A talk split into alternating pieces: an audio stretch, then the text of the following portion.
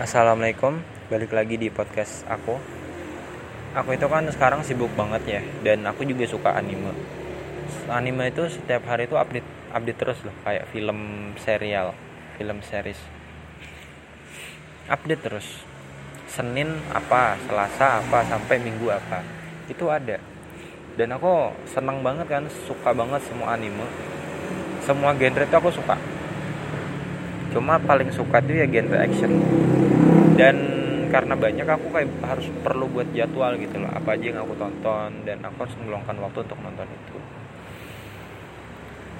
Aku punya banyak sih aplikasi nonton tuh. Ada aplikasi Prime Video nonton anime anime Hub yang terbaru. Anime Hub ini ternyata udah populer banget ya sejak lama cuma aku kok baru tahu ya ada aplikasi namanya Anime Hub ini aplikasi bagus banget. Kayak apa ya? Banyak lah dan up to date aplikasinya. Terus desainnya juga minimalis. Cara makainya pun cara guna ini juga gampang banget gitu loh. Terus up to date juga pastinya genrenya juga banyak. Ada film ada pokoknya sama lah kayak yang lain. Cuma aku tuh nggak suka yang website so soalnya banyak banget iklannya gitu loh. Harus manual satu-satu. Kalau di aplikasi kan uh, iklannya ya udah kita nonton habis itu selesai. Dan dan iklannya tuh nggak sebanyak kalau kamu nonton di website terus kalau di aplikasi itu keuntungannya dia lebih rapih. Lebih rapih. Cara berdasarkan genre berdasarkan tahun. Terus mudah digunain. Jadi nggak repot-repot gitu loh. Beda kayak Netflix. Netflix itu kan kok fiturnya maksimalis ya. Ada fitur subtitle fitur audio fitur terus apa ya pokoknya maksimalis lah gitu. Ya koleksinya aku mengakui lengkap banget. Tapi ya itu menurutku kurang ramah di kantong sih langganan Netflix. Itu hanya untuk orang-orang menengah ke atas. Jadi buat kamu yang butuh asupan nonton gratis bisa cari di Play Store banyak kok aplikasi-aplikasi nonton gratis dan aku ingetin lagi kalau ada orang yang nawarin Netflix Premium satu tahun itu dipastikan hoax fix. Itu penipuan. Kenapa? Aku pernah ketipu itu tiga kali kalau nggak salah. Eh tiga atau dua kali ya? Yang terakhir itu ya sebulan yang lalu lah. Aku beli 190 ribu. Eh ternyata ditinggal gitu aja. Setelah bayar ditinggal.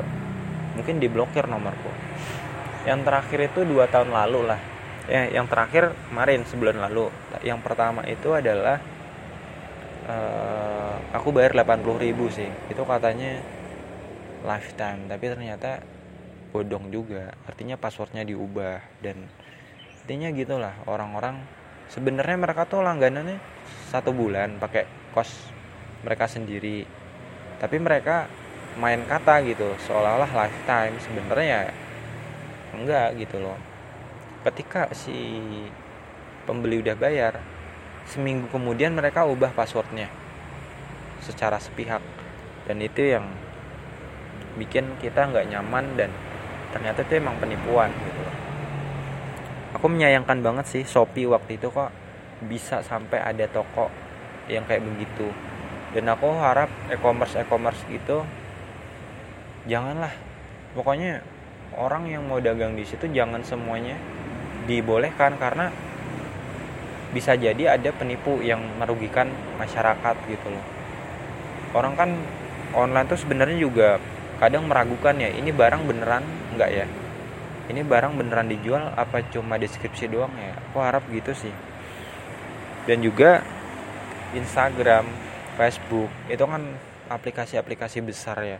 Tolonglah orang yang beriklan di sana harus bisa difilter lagi syarat-syaratnya diperketat lagi biar apa? Untuk menghindari adanya penipuan gitu. Dan aku juga kurang suka sih sama teknologi sekarang tuh. Kok developer aplikasinya itu kok nggak menyediakan fitur untuk ini ya mencegah penipuan? Soalnya kan nggak semua pengguna WhatsApp itu kan cerdas artinya ada yang emang buru-buru ada yang bodoh penasaran ini apa ini apa. Harusnya ya ketika ada bentuk APK bentuk sesuatu yang bersifat malware itu langsung diblokir secara otomatis oleh sistem. Misalkan WhatsApp gitu loh. Dan aku sangat menunggu adanya fitur-fitur tersebut. Biar apa? Biar masyarakat itu yang nggak punya wawasan tentang itu apa ya bisa lebih terbantu gitu loh bisa lebih mengurangi resiko penipuan dan hacking. Ini saranku juga untuk mencegah adanya hacker yang enggak berperi kemanusiaan kadang suka mengganggu kenyamanan orang lain. Artinya kan kita main Instagram main sosmed punya nomor telepon itu kan untuk kebutuhan sehari-hari kita. Tapi hacker ini kurang ajarnya itu membobol password lah dengan keegoisan mereka.